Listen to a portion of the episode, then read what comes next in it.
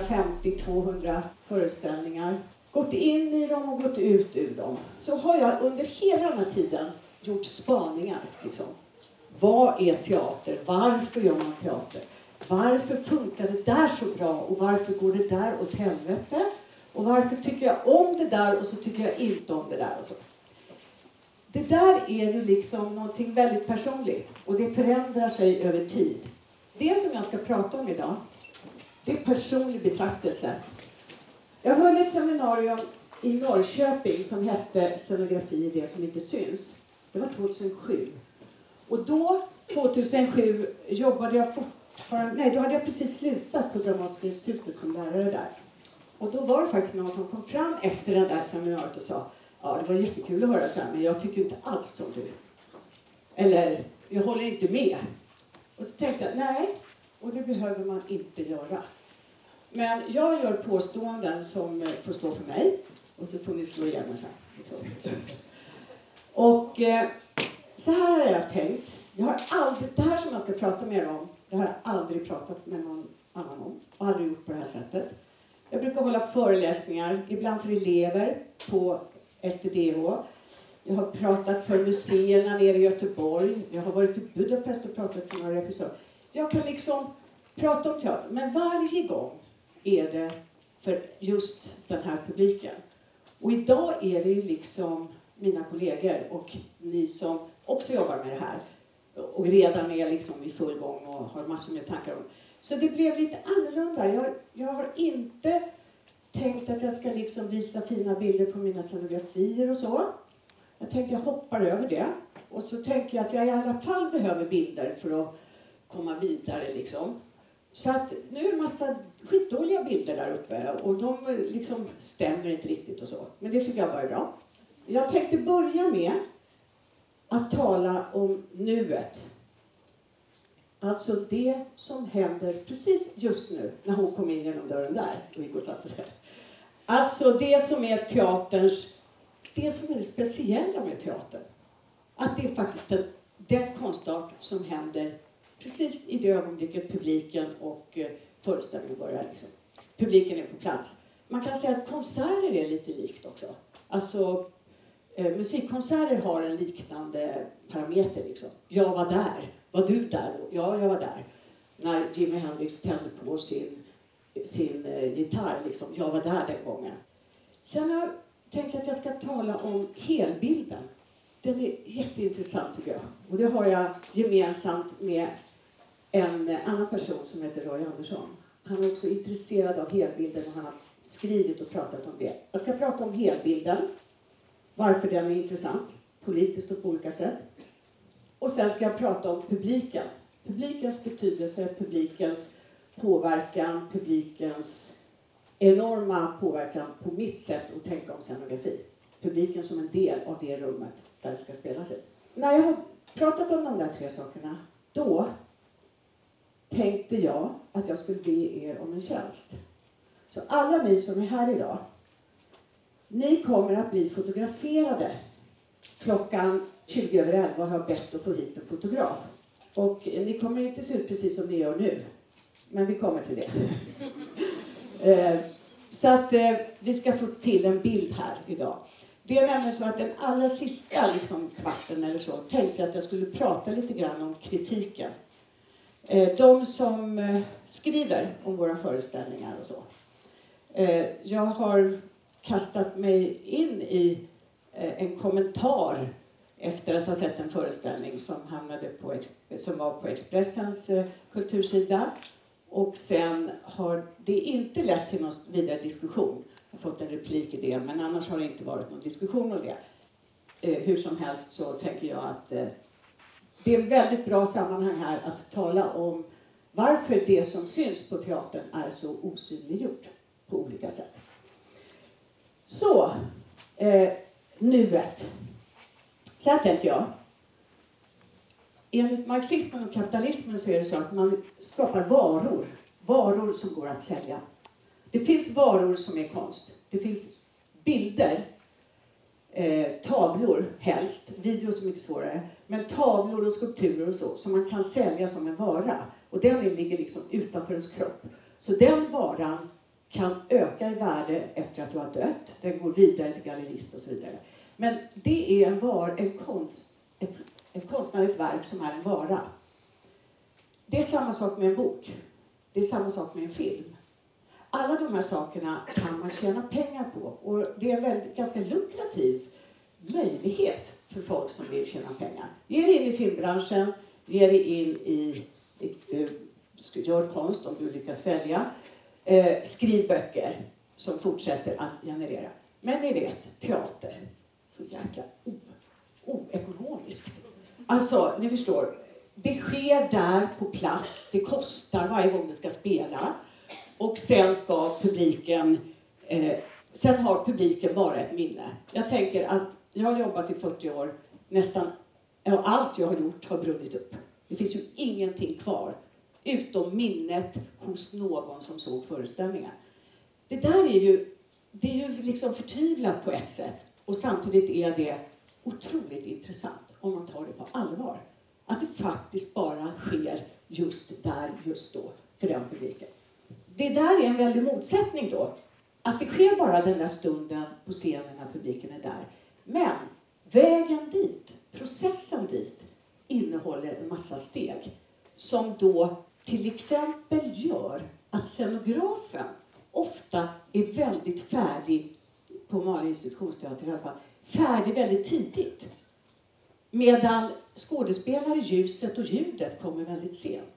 Det finns alltså i den konstnärliga processen på teatern långsamma och tröga eh, delar och så finns det snabba och föränderliga delar. De snabba föränderliga delarna, det är skådespelarna, ljuset och ljudet. Man ändrar på Nej, du ska inte komma in där, du har redan dött. Nej, eh, tänderna, lampan, släck alltihop. Alltså där håller man på in i det sista.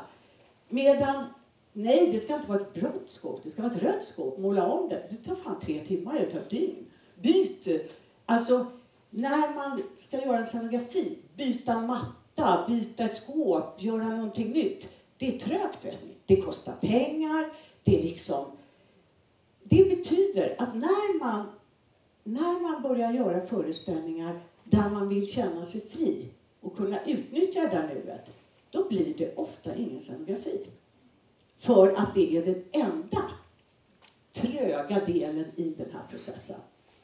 Och jag har liksom jag har upplevt en enorm frustration av att vara den enda i processen som hela tiden bromsar.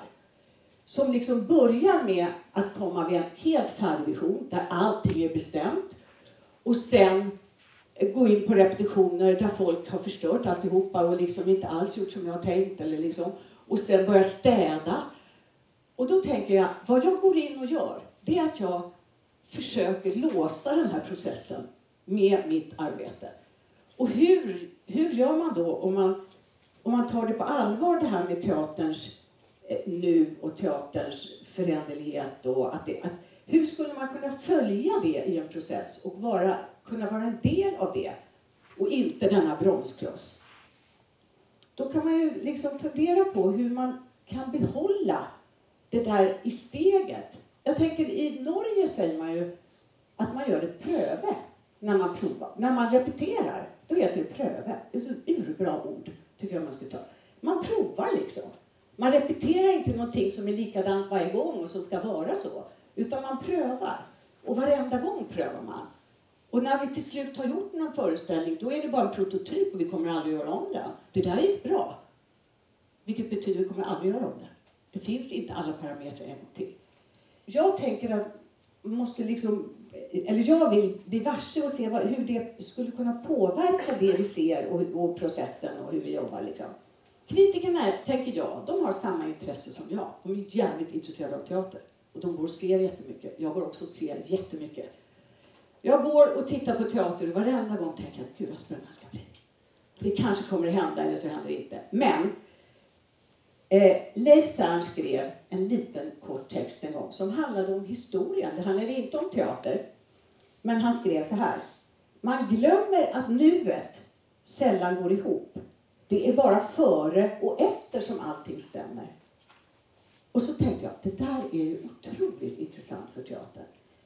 Alltså innan är allting glasklart. Och efteråt har allting gått ihop. Men det vi håller på med, det vi ska göra, det är kaoset, eller det ostrukturerade, det som inte stämmer, det som är mitt i steget. Liksom. Då tar jag den första bilden. En gång bestämde jag mig för att jag tänker inte göra den här färdiga föreställningen. Det är 1700-tal, alla vet, alltså det är farlig förbindelse på Stockholms stadsteater gjorde vi det här. Men jag bad, eller med hjälp av scenteknikerna byggde vi upp en repscenografi på repsal. Och jag eh, bestämde mig för att plocka ner den på scen helt enkelt. Så vi gjorde inte någon ny scenografi. Utan vi behöll det som vi hade repeterat med. Och det betydde ju att det fanns en blandning av skådespelarnas privata kläder, repkläder och den färdiga kostymen. Och i den blandningen så är det ingenting som stämmer. Men det som också händer är att man kan som publik själv plocka ihop de här delarna och faktiskt tillgodogöra sig berättelsen. Liksom. Och sen har jag då eh, fortsatt med att jag gjorde en föreställning där, där jag försökte faktiskt skapa ett kaos som innehöll allt. Som inne, jag samlade ihop scenografier från hela Göteborgs alla scener faktiskt.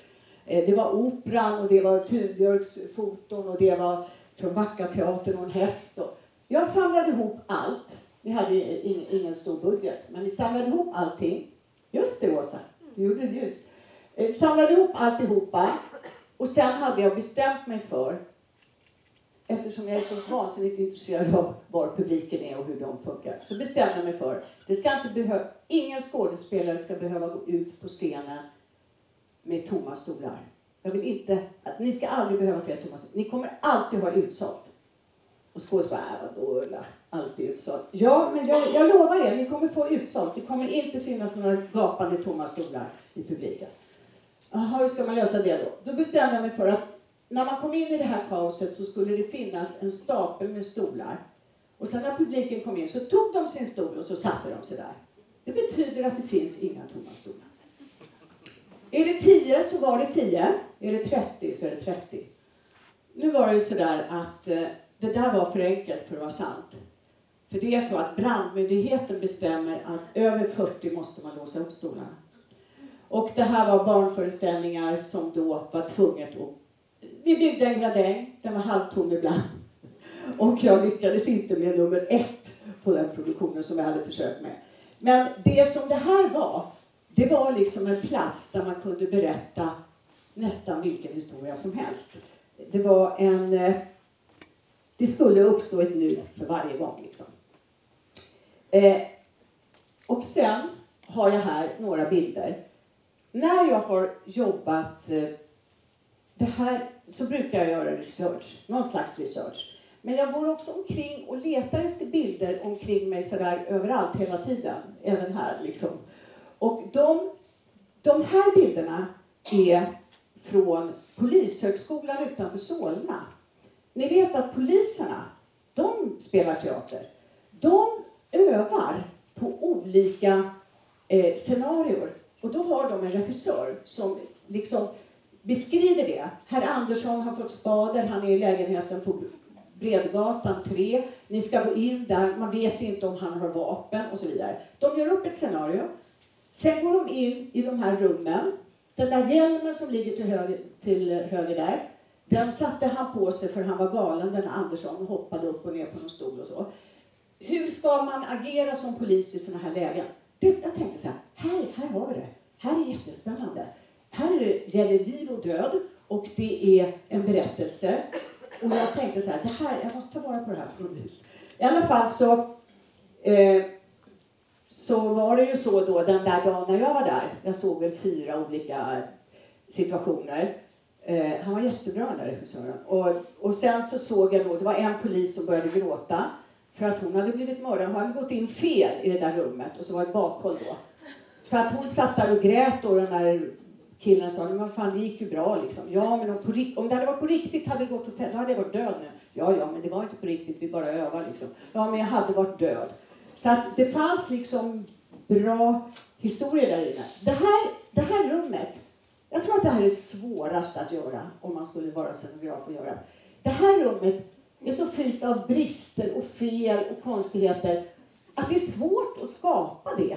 Det är liksom, nu finns det här.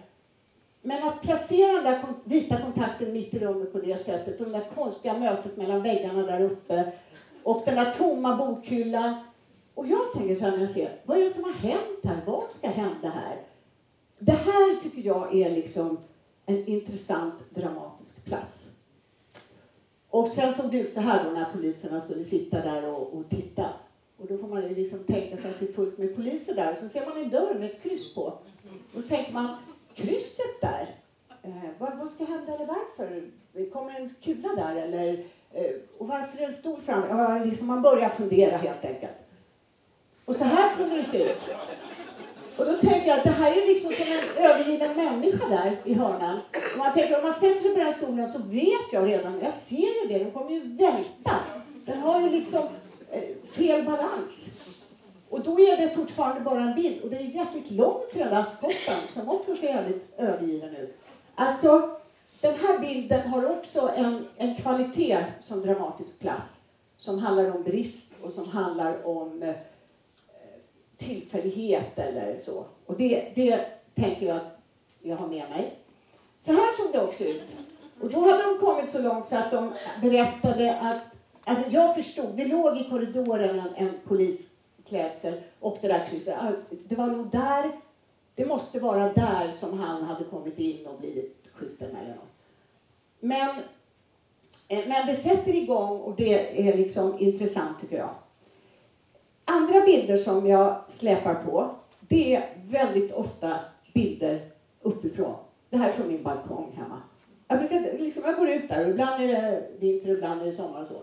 Men det som är så intressant med den här bilden, det är att vi kommer till det, vad är det som syns och vad är det som inte syns?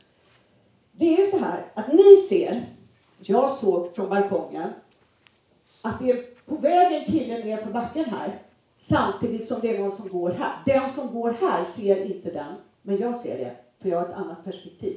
Jag ser både och. Här bakom står en kille med en yxa och bara väntar på att den ska komma här. Och jag vet att det kommer ett möte här. Jag ser det mötet innan det kommer. Det är en dramatisk plats tycker jag.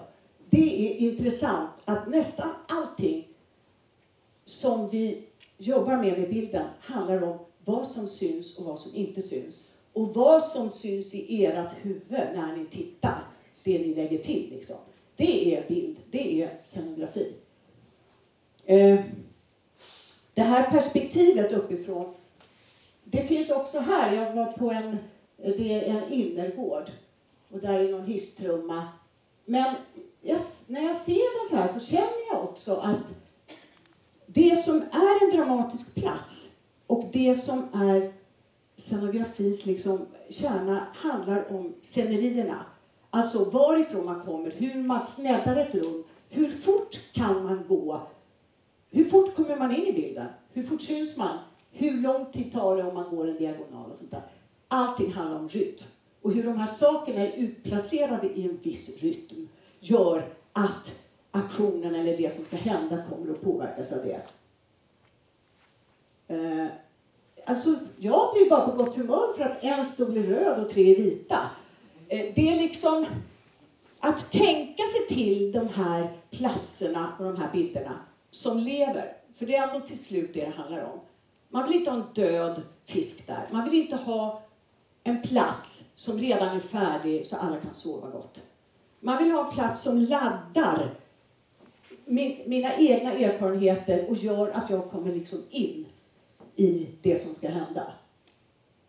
Ja, så var jag på Nationalmuseum. Då tog jag också en bild uppifrån. För jag tänkte, att det är alltså det här som pågår här. Folk går, många, så blir det tomt, så blir det alltså, förtätnar och så står de där vakterna där och jättelånga kön. Och... Men det handlar ju så mycket om perspektiv. Ser man på saker uppifrån, ser man på saker nerifrån, ser man saker från ett ställe där du inte syns? Eller är det som idag att jag ser er medan ni tittar? Det är någonting annat. Det är liksom hela tiden perspektivet. Och då kommer vi till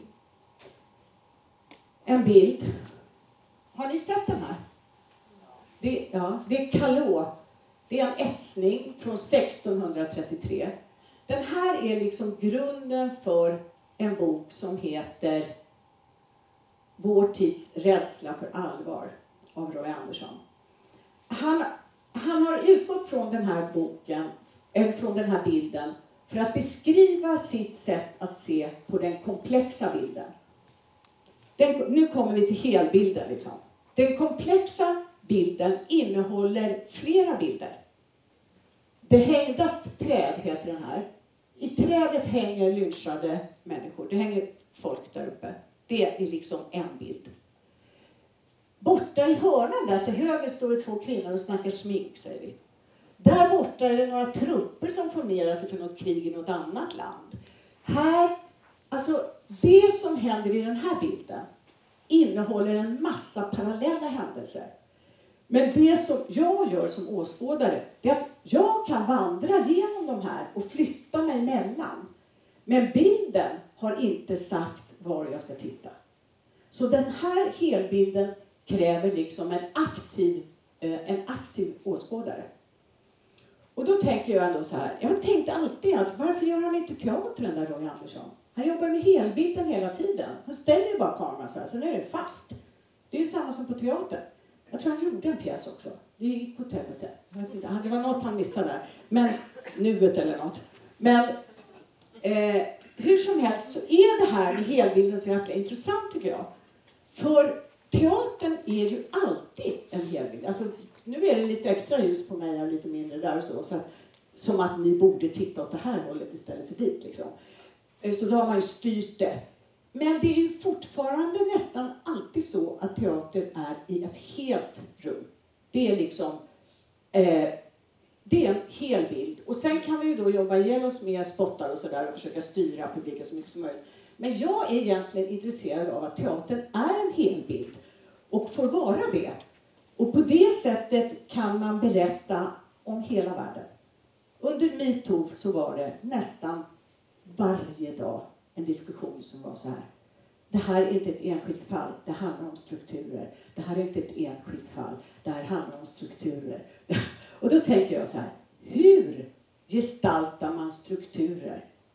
Hur ger man en helbild så att man ser alla delarna liksom?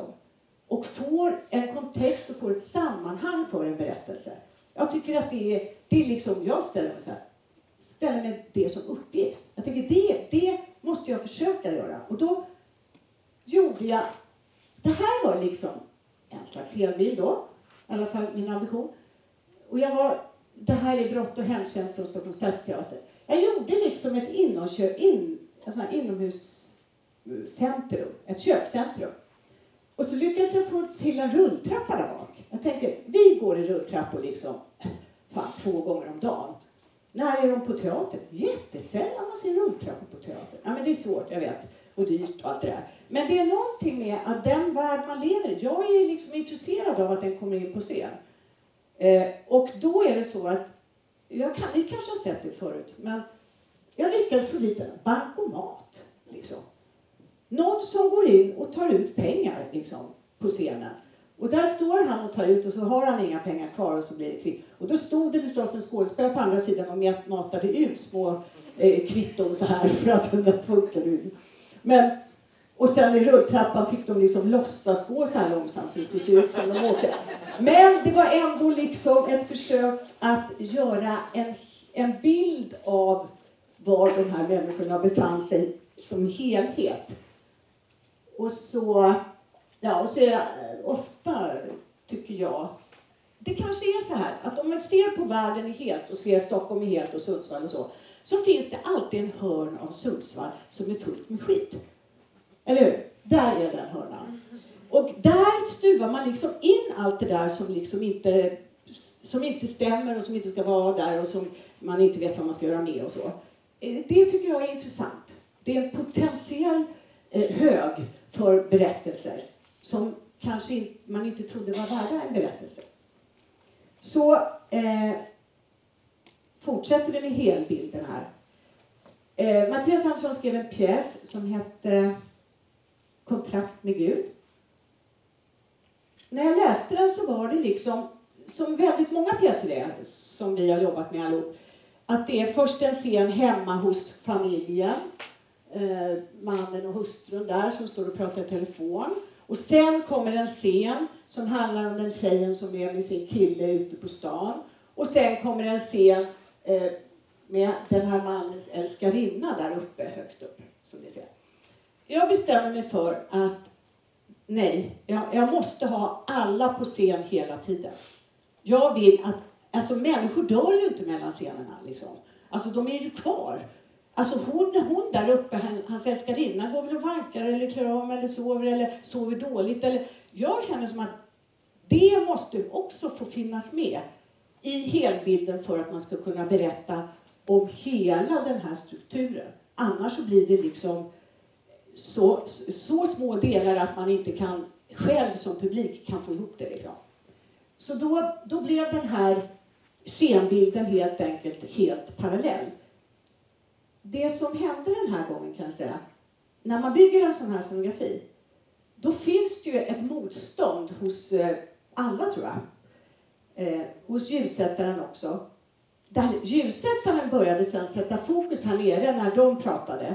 Och sen när de här skulle ha sitt samtal, då var det i mitten som ljuset lyste.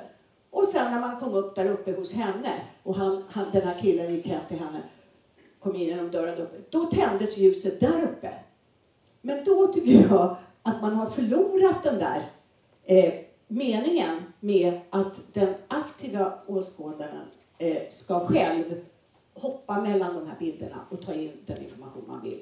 Behålla det liksom. Så att eh, det var en helbild. Ibland när man kommer in i en filmstudio, det här är någonstans i TV-huset, man kommer in i en filmstudio så står det liksom färdigt uppställda delar av eh, någonting som ska berättas. Det här är ingen scenografi tror jag. Det här är säkert inte färdigt, så det här brukar inte se ut. Det är så jävla fel film och eh, sådär. Och grejen är att när jag ser den här bilden, jag ser det där bordet där bredvid mig. jag ser det där stängslet och de har inte hunnit måla här emellan ser jag. Det är ju jättebra. Det är inte liksom färdigt där. Och sen är det då eh, någon grön stötta på den där beiga. Här är det liksom någonting som är på gång att berättas. Det här är någonstans mitt i steget i någon process, tycker jag mig se. Och, då, och jag tänker också att alla de här lamporna där uppe varslar ändå om att det skulle kunna bli väldigt snyggt. Eh, nu, och det räcker för mig för att jag ska tänka att det här skulle kunna bli någonting annat. Eh, ja, och sen är det här, det här, den här bilden har ni aldrig sett. För att när marknadsavdelningen skulle göra det här fotografiet till kontrakt med Gud, då eh, ville man att vi skulle åka ut till ett sjukhus och så skulle pappan be till Gud för att hans dotter skulle överleva. Och då tog vi de här bilderna. Här står vi fotografen, här är lamporna och där är sjukhuset. Det som hände var förstås att bilden blev eh, bara på honom och henne beskuren så här. Men då tänkte jag så här, jag tycker att bilden som också innehåller lamporna, som också innehåller en del av fotografen och så, laddar den där bilden mycket mer. För det är en helbild. Det är en bild av hela den här situationen. Att vi ska film, att vi ska göra en affisch på honom när han ber till Gud för att vi ska visa en föreställning om det. Och det ena leder till ett sätt att tänka bilderna och det andra leder till ett ett mer stängt sätt, tycker jag. Men det är ett exempel på det i alla fall. Bra bil, tycker jag. Med. Alltså, jag gillar bilar, hela skiten är bra. Eh, liksom.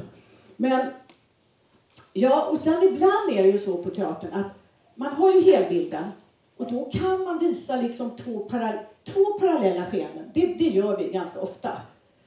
Men hur viktigt är inte det att hennes rygg där och hennes värld där, med ett alldeles eget ljus, kompletterar förstås den där bilden på de två inneslutna i en där ruta, i det där rummet. Det är någonting med att medan deras relation pågår så finns det någonting annat som går parallellt. Stör kan man säga. Älskarinnor stör. Eh, det, är också, det är också så att man får börja fundera. Eh, vad betyder det och vad är det? Jag tänker lite grann på alla som kom lite senare. Jag pratar om liksom några, tre saker och sen ska vi prata lite om kritik och sen ska vi ta en bild på er som sitter här i salongen. Så ni får helst inte lämna. Jag kommer ännu mer till publiken liksom. Men här fortsätter helbilderna. Och det här är ju då, jag kan säga det här är Mental States of Sweden. Det här är scenografin till en föreställning som eh, med intervjuer från folk runt i Sverige. Och en av intervjuerna handlar om en tjej som, hon står, just nu står hon i fokus där och blir filmad. Och skådespelarna här är runt omkring. Det här är alltså en kopia av artistfoajén på Dramaten. Det är väldigt många människor som aldrig har sett den. Det är liksom hjärtat på Dramaten. Där är skådespelarna sitter och, sitter och mobbar varann och där kan man liksom dricka kaffe och där kan man passera och, och där hänger en massa tavlor på gubbar som har förgripit sig på unga aktriser. Alltså, det är ett jäkla ställe liksom. Den artistfoajén finns inte riktigt så som jag gjorde den nu. Där står också alla priserna. Jag gjorde kopior på alla priserna, så ni ser dem där uppe.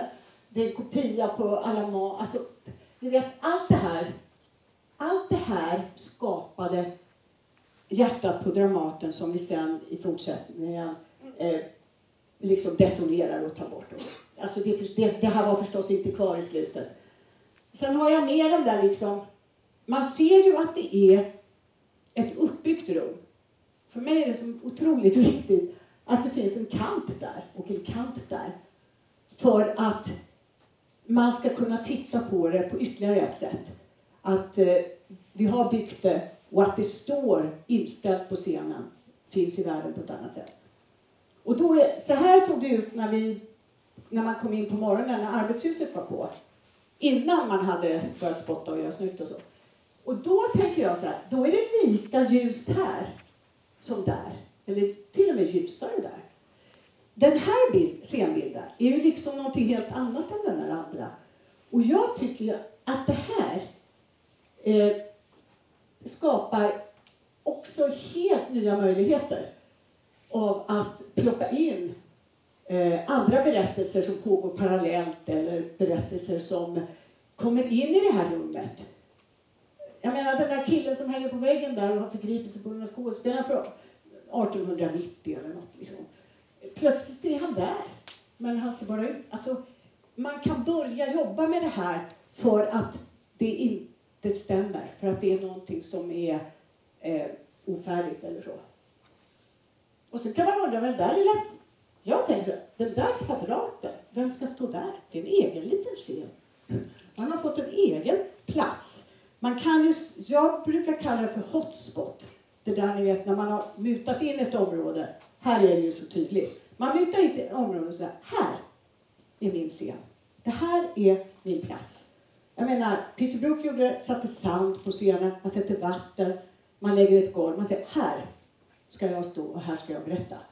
Och det där golvet är, är en hotspot som är otroligt intressant och användbar för att, hit, för att hit, skaffa sig en position.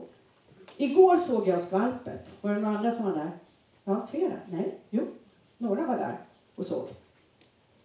Snacka om helbild, alltså jag blir helt lyrisk. Gud vad bra. Det var så jävla bra, framförallt mot slutet. När det finns en bild där uppe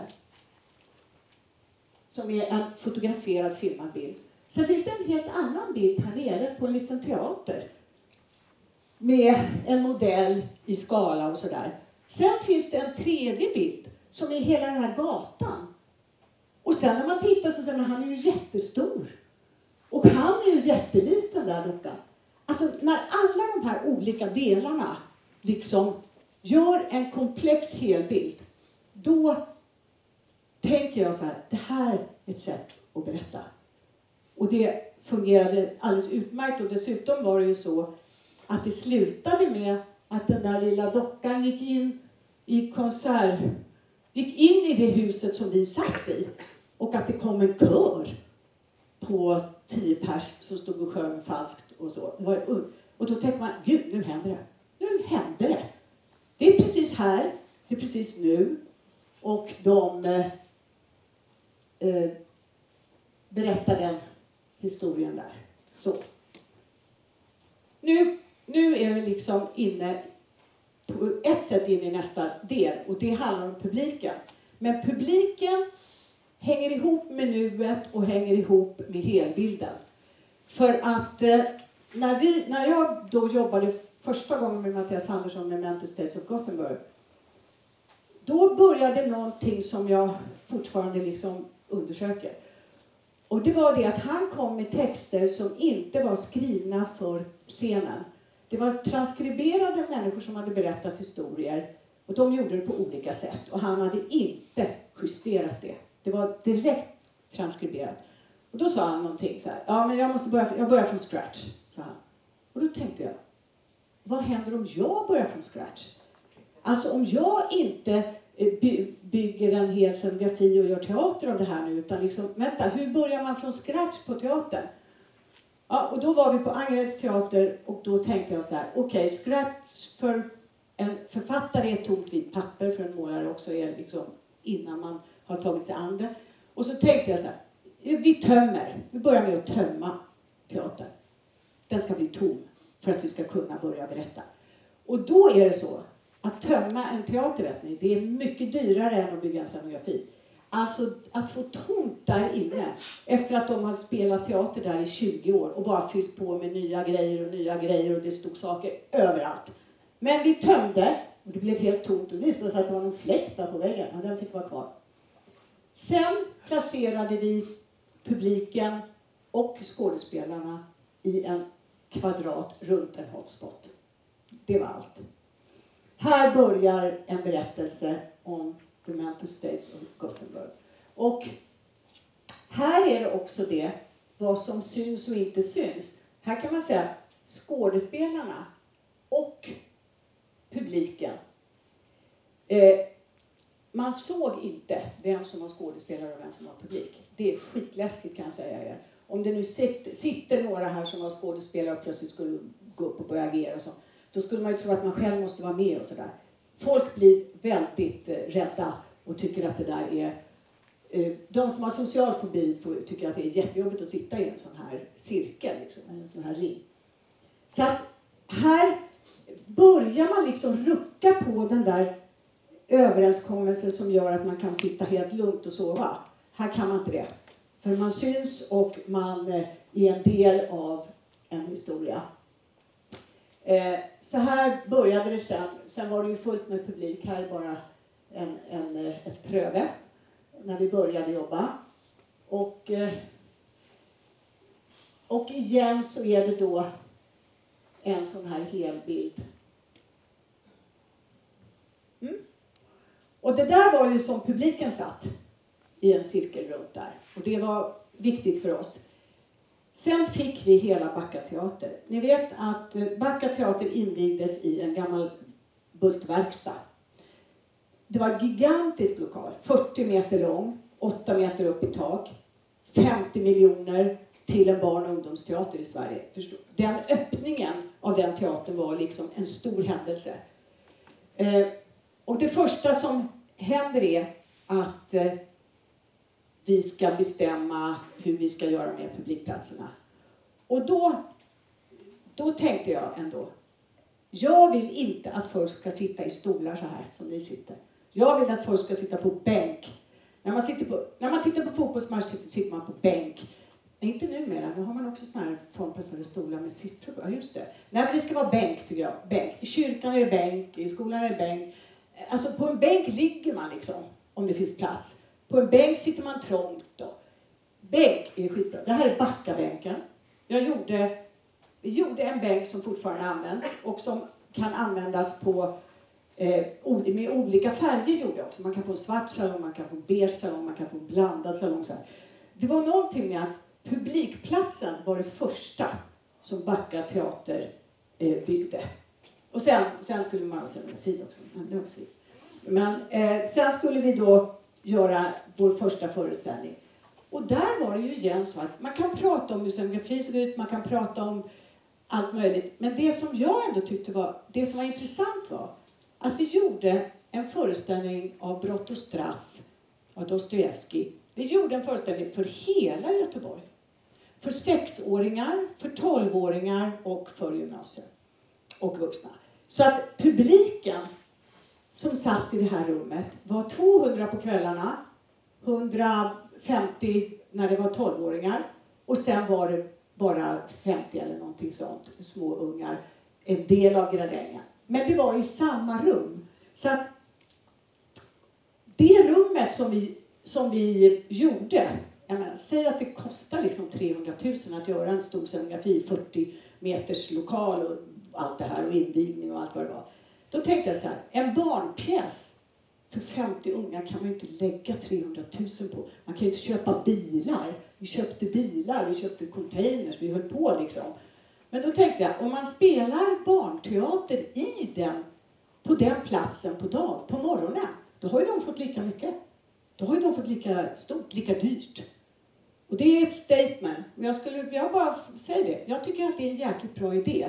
När ni har gjort så fantastiskt stora scenografier på dagen, spela på morgonen en annan pjäs för ungar, så får de lika mycket. Om det kan gå. Här är också en sån där, så här saker som händer parallellt i det här rummet då.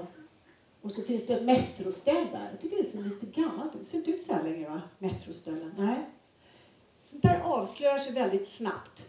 Alltså, när man tar in saker från verkligheten så här kastar in på scen, då blir det ofta tidsbestämt. Just då, den hösten, på, i Göteborg såg det ut sådär.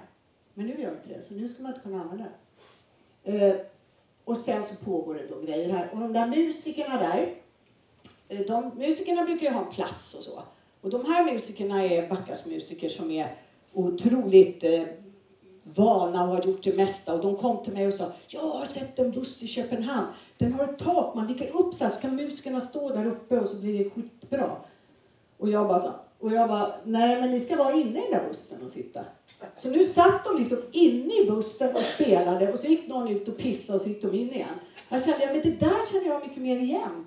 Det här är liksom inte att visa allting synligt så här. Och då, det här med att visa allting på teatern, eller att göra det osynligt, det handlar liksom om sex och våld är det som upptar oss och våra fantasier och alltihopa. Och då är det så att stripteasen, striptisen den är en väldigt eh, användbar och ja, alltså det, är, det är väldigt spännande att titta på. Och vad fan beror det på? När man tittar på en striptease, då är det så att man föreställer sig vad som ligger under de där plaggen. Och när de går av en efter en lite långsamt så här, så laddar det. Jag menar om hon hade kommit in naken där från början, eller han. Fan, det är bara att gå ut. Det händer ingenting. Det handlar om att man inte ser. Och det handlar om vad man föreställer sig att man skulle kunna få se, kanske, kanske. Och då tänker jag att det kanske skulle kunna finnas en rumslig striptease. Alltså att rummet inte är avslöjat så här direkt. Utan det kommer liksom successivt. Och det är det som laddar det. När man kom in på, i det här rummet på Backa teater, då ställde jag en container direkt framför ingången. Jag, tänkte, jag vill inte att man kommer in i rummet så här, så ser man, där ska publiken sitta, där ska det spelas teater. Man kommer in så här, en mm, container. Så tänker jag, vilken väg ska jag ta? Alltså då, då har man redan börjat en annan föreställning. Och sen kommer man in och så säger man, jaha, där ska man sitta. Och där borta står en polisbil, tänker man. Det står en polisbil där borta. Inne i rummet på en teaterscen. Ni vet att man, får ta, man kan inte hyra polis, man kan inte köpa det. Det är ett vapen. Om man åker ut med den kan man göra vad som helst. Det är samma med polisband. Polisband är ju liksom... Om man spärrar av ett område med polisband så har jag skaffat mig fri lejd där. Kan jag bara hålla på och göra vad jag vill där inne. För det, man får inte komma in där. Och eh, vi använder oss en hel del av de där polisbanden också. Gud vilken suddig bild, vad härligt. Ja.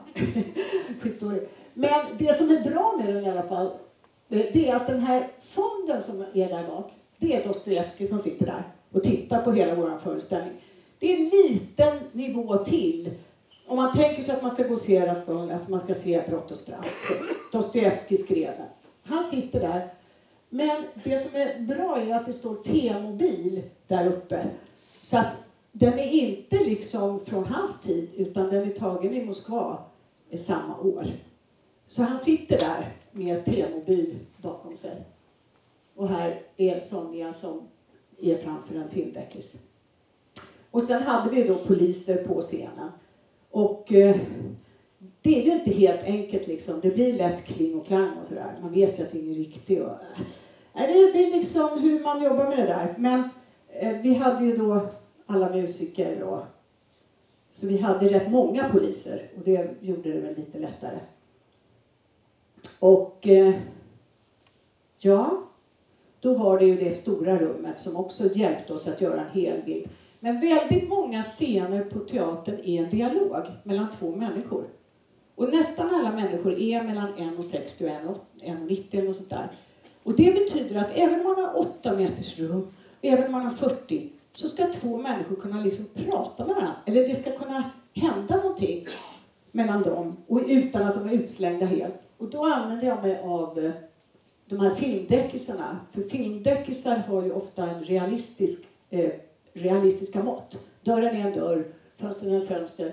Och när man var precis framför det, den däckisen så kunde man vara där och ha en dialog där. Trots att man hade en hel bild av hela rummet samtidigt. Och dessutom nu hade man brott och straff, Lindholmen, Hisingen, adress, telefonnummer, plats och tid. Allting definierat som ytterligare liksom en nivå i bilden.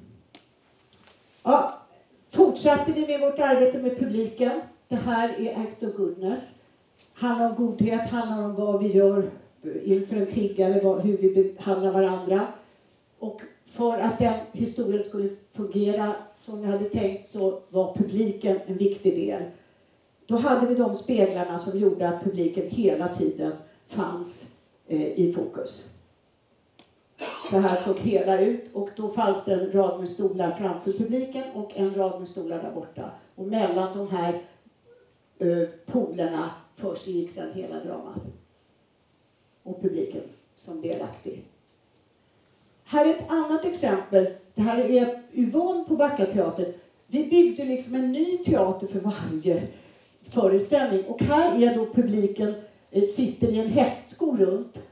Och sen är det då en låda som står inställd i, eh, i rummet kan man säga. Där också det bakre och yttre rummet är tänt. Men det som var liksom, eller som var försöket, det var att när man då satt här och tittade upp, då såg man sig själv sitta i en publik. Och man såg rummet som jag satt inne i, men jag såg också rummet som var utanför. Ett skitigt fult utanför eh, i förhållande till det här vackra, orangea, städade, fina rummet. Och den skiten som fanns runt omkring kom sen in på scenen via den här Yvonne och via en av skådespelarna. Så här fanns det liksom, det här är en helbild. Om jag bara skulle gjort det här rummet där inne, det här orangea, då hade det inte varit hela systemet. Då hade det bara varit en del. Men om jag vill berätta om hela samhället, då blev det här ett sätt att göra det. Sen gjorde jag en föreställning på Momentteatern som hette Premiären och det var ju liksom, och jag skulle göra scenografin. Och då gjorde jag helt enkelt så enkelt så att jag tog bort scenen. Jag kände bara så här, nej men jag orkar inte. Eh, så att eh, då var det så att det var en vägg. Det här är liksom där man brukar ha scenografi. Där gjorde jag scenografi, men jag vände den bortåt. Så att publiken satt liksom på den här sidan om. Och då tänker jag att den scenen som fungerade som bäst där, det var när vi inte hade någon film utan när Eva Rexed som då gjorde huvudrollen, gick in där och slog sönder någonting där inne och sen kom ut. Då har vi inte sett det. Vi har, vi har ingen aning om vad hon gjorde där inne. Om hon bara stod och hoppade och petade sig i näsan. Vi har ingen aning. Men vi kan föreställa oss, det lät som om hon slog igenom. Och så vidare. Så att då var det ju så också att det som inte gick att göra, det gjordes liksom där bakom för att man själv skulle kunna fundera på vad det var som hände. Och, så, ja, och sen hade vi också då ibland att det var någon där inne som filmade. Och där är nog Eva och något Så här såg det ut där inne. Eh, det var några foton på väggarna och det var, spelades liksom en hel pjäs där inne. Men eh, filmades utanpå där. Så kommer vi till en ny placering av publiken. Det här är Utopia eh, på Backa teater. En sån här cirkel har vi sett. Men det som gör att det här blir en helbild, det är att det är fem cirklar. Och det är så att varje cirkel innehåller ett, en berättelse om anhöriga till de som har drogat. Eller folk som, en bror eller syster eller make eller som har någon som eh, har, har hamnat med drogerna. Och det betyder att här sitter det tre skådespelare i varje cirkel. Och det konsten var liksom att låta alla de här berättelserna gå parallellt i rummet. Det är som ett, som ett brus av hela vårt samhälle. Det finns en bror där, det finns en syster där, det finns en make där. Det finns någon som går på medicin och det finns någon som eh, injicerar, det finns någon som är på sjukhuset. Men det här pågår liksom parallellt. Så att när man fick fem cirklar och varje cirkel en berättelse, då börjar man närma sig det berättandet. Sen, tog var, sen skulle varje person i publiken ta sin egen stol och gå och sätta sig ut på sidorna. Och då gjorde de det. Och vet ni, då var det läskigt. För det var så tomt. Det var så stort. Och så tomt och stort så får man lite... Det finns ju de som har torgskräck, men de kan inte gå över en sån. Det, det, det är liksom... Och då, när det hade blivit så här tomt, och det vill säga ingenting är sagt, ingenting är gjort. Nu börjar jag från början, nu börjar jag från scratch. Då går en av skådespelarna ut på scenen med en tegelsten där. Och ni vet en gatsten menar jag. En gatsten är början och slutet på ett samhälle. Man bygger samhällen men man tar också gatstenen för att krossa det. Och det vet de som har bott i Göteborg. Och från första dagen bestämde väl jag då att vi ska ha 180 gatstenar i den här föreställningen. 180 personer i publiken. Nu går hon ut och lägger den första stenen. Och sen kommer publiken att fortsätta att lägga sten till sten till sten och bygga någonting som alltid är olika varje kväll. Det uppstår ett nytt nu. De som var med där inne och skapade det här rummet, de är de enda som gjorde det då.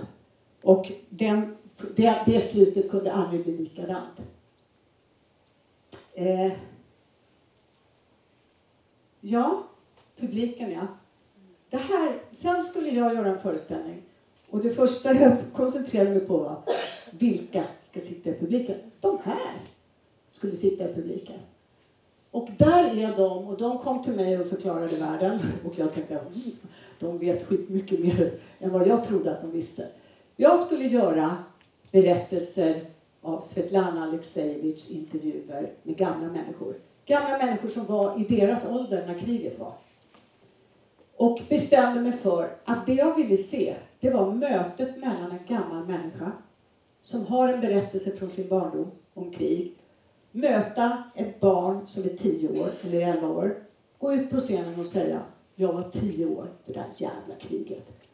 Och när man säger det har man redan skapat en brygga över till dem som ska lyssna och till dem som skulle berätta. Och de som skulle berätta, många av dem var döda.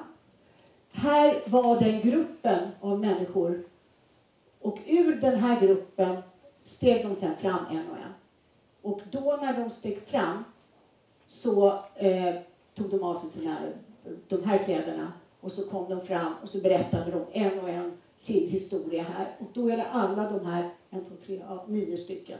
Och då var det fortfarande kvar en massa folk där bakom.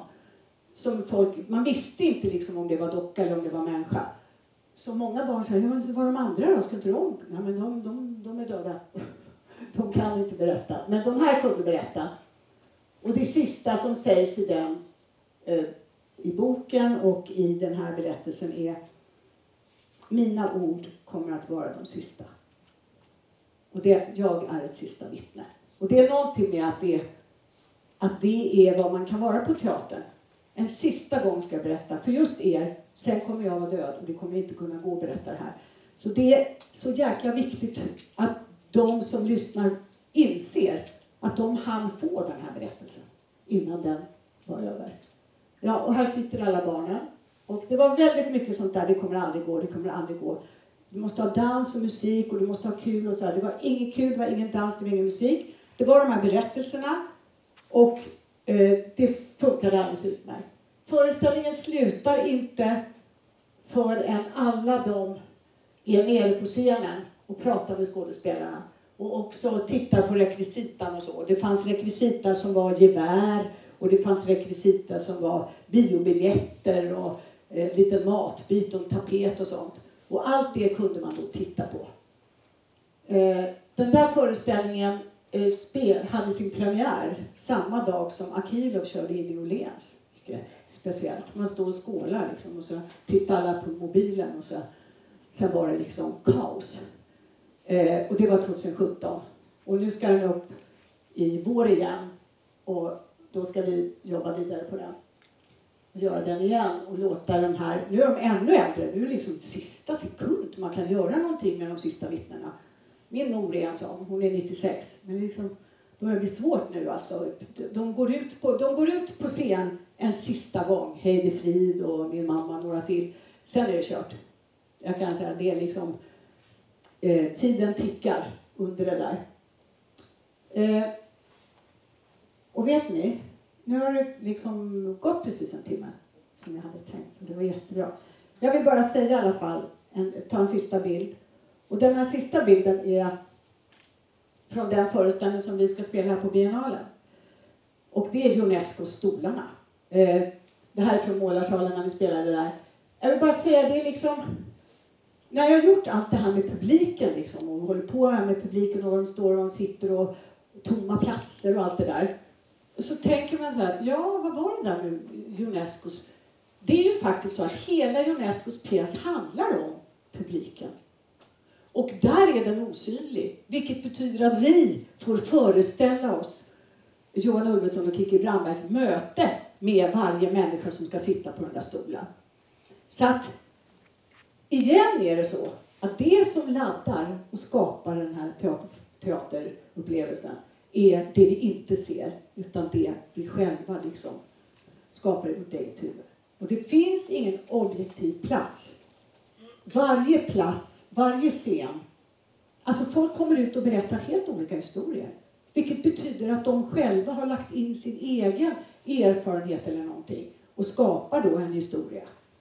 Så att eh, den föreställningen har, har den kvaliteten.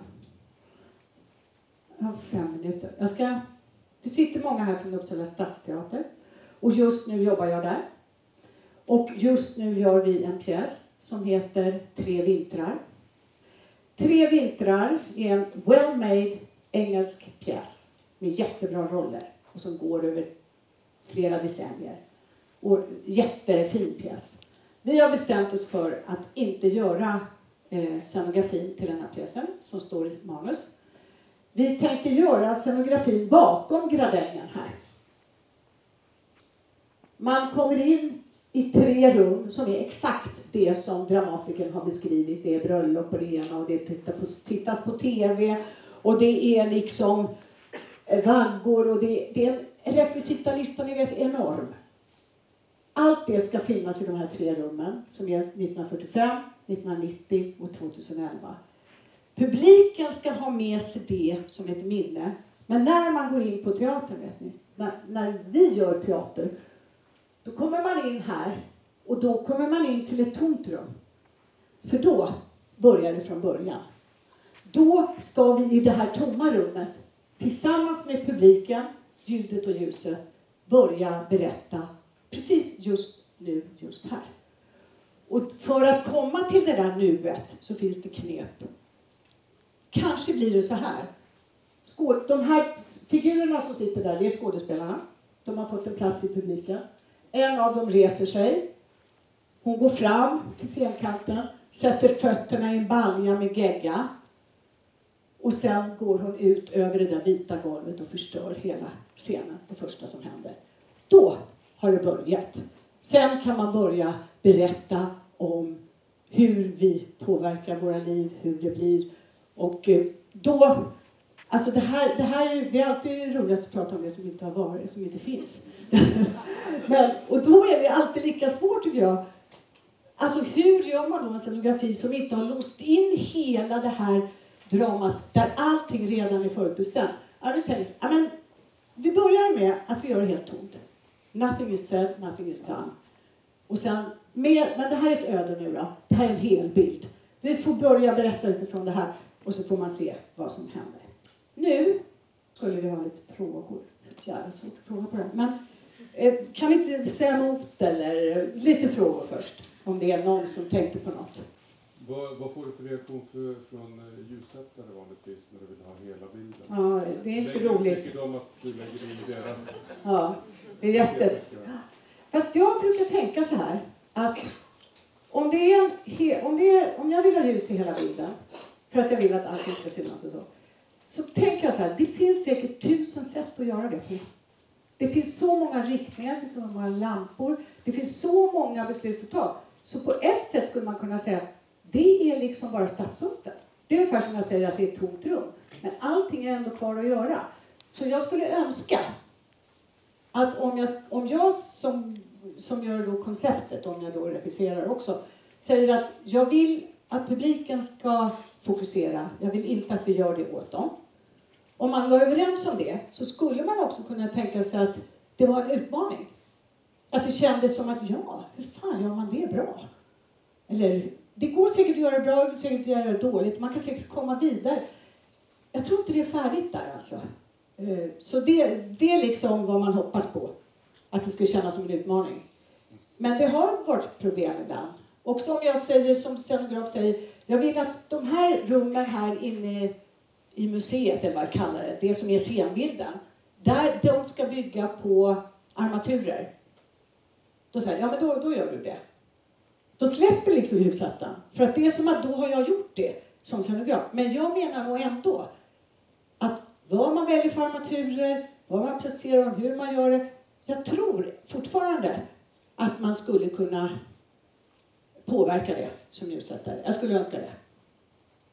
Kan man säga. Men jag förstår frågan. ja? Jag tänker på din eh, föreställning i Stolarna som spelades på Dramaten och så flyttas den.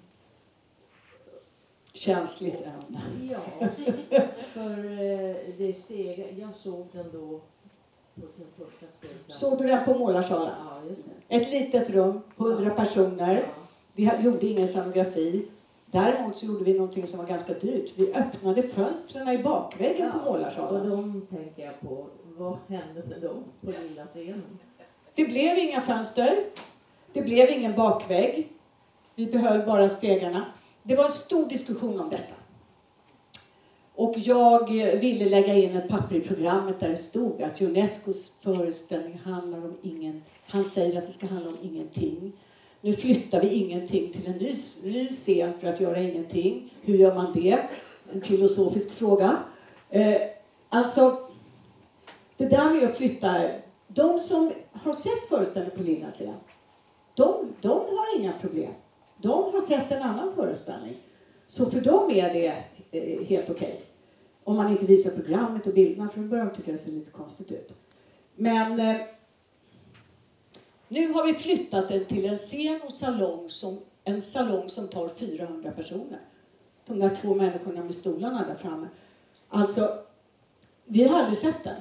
Och jag har byggt en ny scenografi som jag aldrig har sett. Jag ska åka dit klockan 12 och se om de har byggt den. alltså, jag är ju det finns ingen scenograf som inte tror att föreställningen var bättre så som jag har tänkt den. Men det finns många skådespelare som kan säga att det gick lika bra utan. Så det där är, jag måste ju tro att det ändå var lite häftigt när man öppnade fönstret och det snöade där ute eller regnade eller att det blev en sorts nu som jag inte får på scenen. Överhuvudtaget är det svårt att få ett nu på scen och salong. Någonting måste gå sönder eller någon måste spräcka brallorna. Det är svårt att komma till den där liksom laddade. Någon går omkring med ett vapen brukar hjälpa. Eh, det kan vara bra, för då tror alla hela tiden att det ska smälla. Liksom. Men det är svårt att ladda det rummet, för det är så färdigt. Det är så, det är så, det är så tydligt, tydliga gränser som, som gör att jag är safe där som publik och då är det svårt. Det är svårt, jag. Så jag jobbar hellre i blackbox, liksom, där jag har ett helt rum där man kan liksom börja jobba med hela bilden, tycker jag. Men eh, det finns olika åsikter om det faktiskt. Ja. Ja, man filmar av för att eh, behålla den liksom. Nej, jag menar för att visa på TV eller Ja. vad har man att säga till om då? Det blir alltså här, det blir något annat. Det blir en film. Det, det, det har inte kvar det där nuet. Du har inte kvar den där med publiken. Du har något annat. Det är en färdig produkt. Den kan man tjäna pengar på. Det är liksom en annan, det är en annan genre. Det är, en annan, det är någonting annat. Det man inte får välja själv. Jo, precis. Precis. Just att man inte får välja själv vad man ska titta. Nej, och då tänk, Den är borta. Ja, men då tänker ju Roy så här. Roy Andersson gör ju så här. Han gör ju filmbilder där du måste tänka själv. För det pågår saker där, där och där. Och han har ställt sin kamera stilla. När man filmar av teaterföreställningar då kan man ju också göra så att man gör en hel bild som står eh, på ett avstånd som är ungefär publikens avstånd och så. Men det gör man ju sällan. Man går ju ofta in i halvbild eller helbild och så. Och jag är ju då liksom av den åsikten att en, en halvbild, om jag ser en bild på en skådespelare som går hit ungefär, då tänker jag hela tiden, var står hon på? Står hon på liksom jorden? Står hon på eh, högt upp på en pelare? Vad fan står hon på? Det avgör ju vem den här personen är. Vad har hon på fötterna liksom? Har hon något på fötterna? Står och vinglar på sådana klackar? För mig är det intressant liksom. Så att när man går in och filmar och gör film av det så är det, det är inte teater längre då. Då väljer man ju som du säger helbild, halvbild och väljer vad publiken ska titta på. Absolut. Vet ni, det här blir liksom kanske sista på det här för sen ska vi ta det där med kritikerna och det. Va? Jo, men jag tänker, du är ju väldigt stark som scenograf. Ja, eller Ja, jag har... jo, jo, men du har Mm. ju väldigt, och dina visioner är ju egentligen, närmar sig ju ofta regivisioner. Du, du, då kräver ju också en speciell regissör. Du kan inte jobba med vilken regissör som helst. Du har jobbat väldigt mycket med Mattias Andersson, mycket med Linus Tunström. Då är det ju nästan som att ni också, att re, regi och scenografi går ihop. Eller hur blir det med det där? Hur funkar det när du jobbar med någon annan regissör? Alltså jag har jobbat med många och det funkar. Men anledningen till att jag liksom vill regissera är ju en frustration över att jag har suttit där i salongen så otroligt många år. Och att jag har sånt... Jag, mitt intresse för teatern, att jag gör scenografi, har alltid varit hela teatern. Varför man gör teater, hur kan man göra, kan man inte göra? Jag är liksom för intresserad av helheten. Så att om jag jobbar med en regissör som tycker att det är störigt, att jag är så eh, intresserad, då är det inget bra. Och det är faktiskt det som har hänt, att jag känner att det är, inte, det är inte mot någon, men jag kan förstå att man inte vill ha den här gappande eh, personen så inpå sig. Alltså att man ändå vill försöka få jobba i fred. Liksom. Och det är, jag har svårt för det och därför har jag egentligen gått av och sagt att nej, men jag gör inte liksom scenografi egentligen längre. Och det beror bara på att jag tycker det, jag tycker det är för intressant med hela grejen. Och det här med ett koncept och så. För mig är det som händer på scenen är en pågående, eh, inte en pågående bild, utan det är en pågående händelse. När jag ska göra scenografi om någon, då frågar de så här mig, hur ska det se ut? Och då säger jag, vad är det som ska hända? Alltså för mig är det absolut första frågan, vad ska hända? Nu när jag berättar för er om den här baljan hon går i och sen går hon över den här vita platsen. Då är, är, vad är scenografi? Vad är regi i det? Det är ju liksom så sammanknutet. Det uppstår ju en bild när man går med de där skitiga fötterna över det där fina vita. Men det är en bild som uppstår av ett sceneri som jag som scenograf kan lägga. Alltså, om jag lägger scenerierna så har jag ju gjort så mycket av regiarbetet. Så det här är, det är en jättedelikat fråga. Jag har egentligen, helst hade jag velat ha, liksom, fortsätta ett samarbete med liksom Mattias och Linus och så. Men det är mycket svårare än vad man tror alltså. Att vara två på det där. Eh, Bogdan och Karina gör det ju igen och igen. Och jag är lika fascinerad liksom. Och jag tycker det verkar helt fantastiskt. Men de har alltid gjort det. Och de gör det verkligen båda två. Det är liksom, och nu verkar det som vansinnigt bra det de har gjort i Göteborg.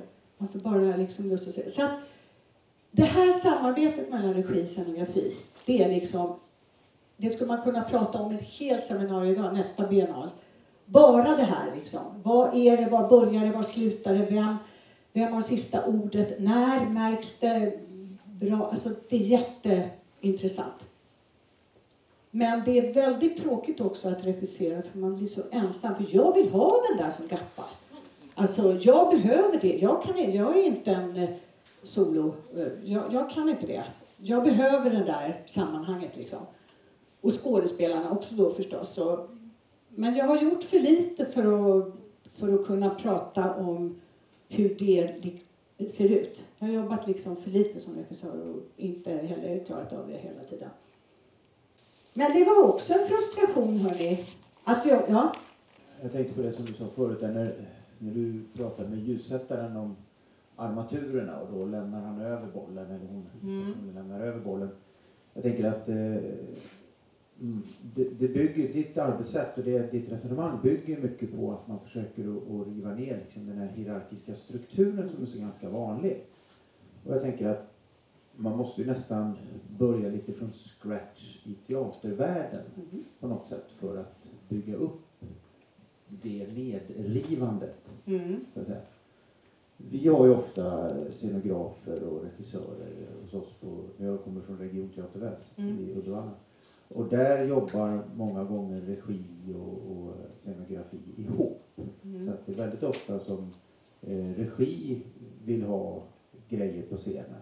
Och då resonerar man fram det tillsammans med scenograf. Men vi tekniker är också Inte. med i resonemanget. Det är ni. Och kan påverka och komma med förslag och idéer och så vidare. Och vi jobbar ganska ohierarkiskt på det sättet. Jag tänker att man måste nästan bör, på något sätt börja i, i strukturen Mm. för att komma till ett sådant arbetssätt. För jag tänker också att det faktiskt sitter ihop väldigt mycket. Mm. Alltså det är ju inte fem konstnärer som skapar varsitt och så ska man lägga dem på varandra utan det är fem konstnärer som ska göra något ihop. Liksom regi, skådespelare, Mm. ljussättare, ljudsättare, Eh, scentekniker, smed, dekormålare. Så jag tänker mm, på något sätt att man måste titta på själva huvudstrukturen i teatervärlden. Och där har ni egentligen, man har det lättare på mindre teater på det sättet. Eftersom man eh, på Operan och på Dramaten ska det alltid vara klart ett och ett halvt år innan. Innan skådespelarna ens är kontrakterade så har regissören och scenografen gjort sin, sin vision.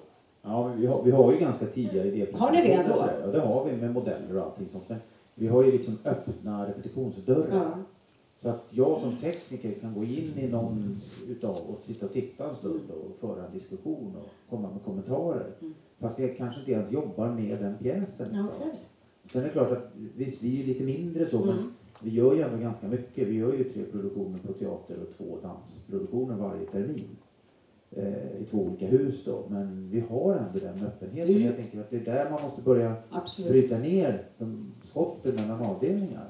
Jag tänker att om man kommer som scenograf utifrån, hur ska man kunna påverka det då? Mm. Eller hur, hur Svårt. Ja, alltså det är organisatoriskt på något sätt. Ja, absolut. Så, för det blir ju ett gemensamhetskonstverk Mm. med teater. Men det är också, jag har också gjort en spaning som gör att det, det där med strukturerna och när sker vad.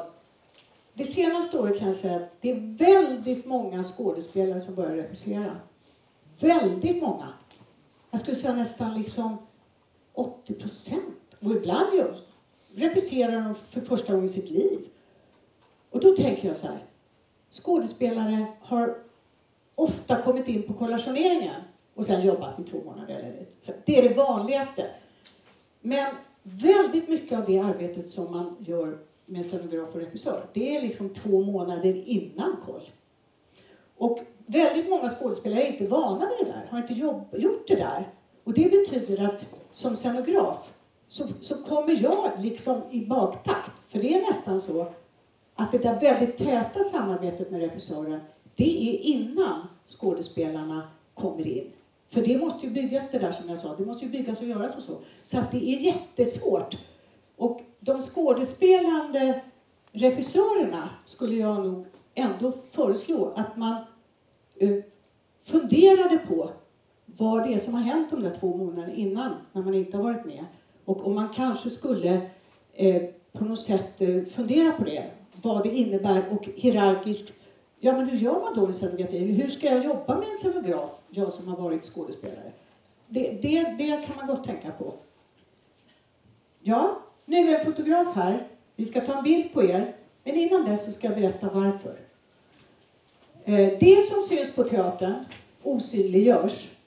För ett år sedan så är det hundra stycken eh, scenografer, ljussättare, maskörer, kostymtecknare som har skrivit under ett upprop som skickades till alla de stora tidningarna i Stockholm. Det stod så här.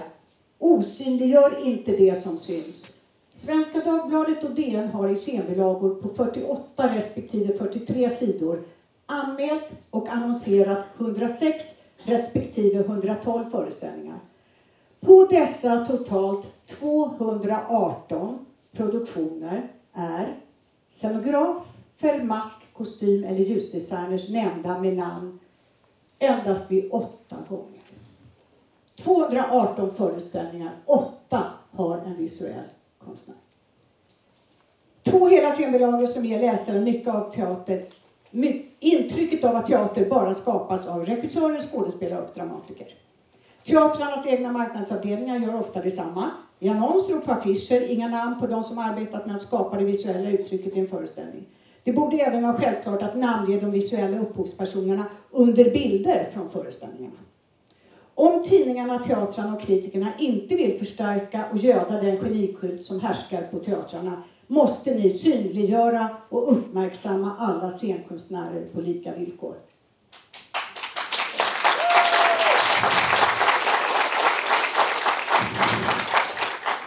Vi skrev under, 100 personer, vi skickade till alla tidningar. Men tillsammans med det här utskicket så skickade vi med en svart bindel att ha för ögonen. Vi ville att någon på tidningsredaktionen skulle ta en bild på en person med en svart bindel för att illustrera den här. Eh, det gjordes inte. Vi började tala om att vi ska gå in på en föreställning och sen ska vi be publiken sätta på sig de där bindlarna. Och då visste vi inte vilken föreställning vi skulle förstöra. Så vi vågade inte det.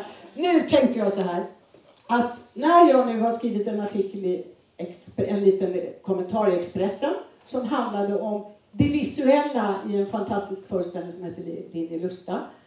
Jag lyfte bara och kommenterade allt det jag såg i föreställningen. Inte allt det andra som man också kunde skriva om och som jag tycker att kritikerna skriver alldeles utmärkt och skitmycket om.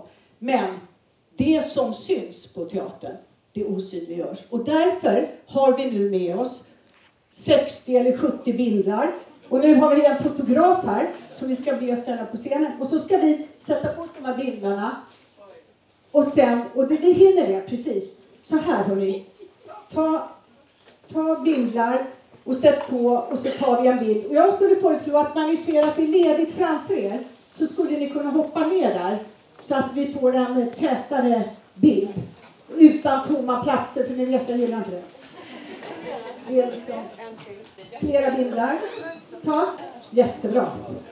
67 ska det finnas. Jag kan sätta mig ute på kanten. Det, har alla fått bindlar?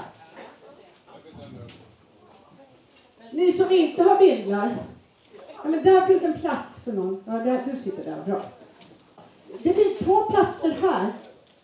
Eller en plats här nere. Kom ner någon. Säg vilka som inte... Stol två finns med, men inte han. Han som sitter längst ut? Här kommer jag, okej. Då så, det, det går i syn. Har ni inga bilder? Är det någon som har någon, sett någon extra bilder? Där är det, vad bra. Nej, det, det är bra om det är bildlapp på alla. Hittade ni den ni fick? Men för att få med allra, allra flest så skulle man ju egentligen bygga en bild på mitten så här för då får vi liksom hela Ska vi, ska vi be de, de yttersta där att sätta sig längst Ja, upp det vore Ja, ganska men gör det då. då. Två, bara två, två, två och så. Och då går jag också upp och sätter mig där. Ja, Och så får du, hur är det där uppe på änden? ja, jag tror att de, ni tre där och tre därifrån måste upp också. Åh, Men de då på änden där? Ja, de måste också upp. Man tänker ändå så här hörni, att nu finns den här bilden. Och vi har ju sett sådana bilder på 3D-glasögon och publiker som pussas och allt möjligt. Men nu ska vi ha en sån här bild och vi kan använda den till allt möjligt sen. Jag tror rad två. eh, Du, Okej. du, ni måste backa upp. Du. Se till när du börjar plåta så får vi få bilder. Ja.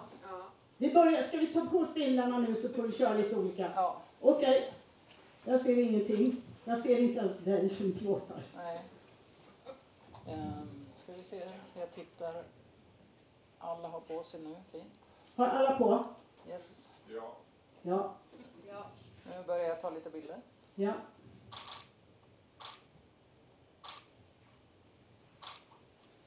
Så hoppar jag in lite grann och tar olika beskärningar. Alltså, Just man måste inte vara tyst för att man vill. Nej, Det är liksom... Jag vet. Vad knappt. Är det något särskilt ansiktsuttryck som du önskar? Ja, nej, men ganska glad. Alltså, det, man kan ju tänka att man lyssnar ju intensivt. Det är inte så att man, man lägger ut av och lyssnar för att man inte ser. Så att det är ju bara liksom... Som, Var lite så här avslappnade som man är med ögonbindlar då? Liksom. ja, ja, liksom. Man kan tänka sig att man ser en föreställning. Nu börjar det hörni. Nu kommer han in. Han sa ingenting men nu hör jag att han kommer in. Eh, Raden längst fram, eh, lägg gärna huvudet mot nackstödet. Så, perfekt. Nu börjar han. Okej, du bestämmer.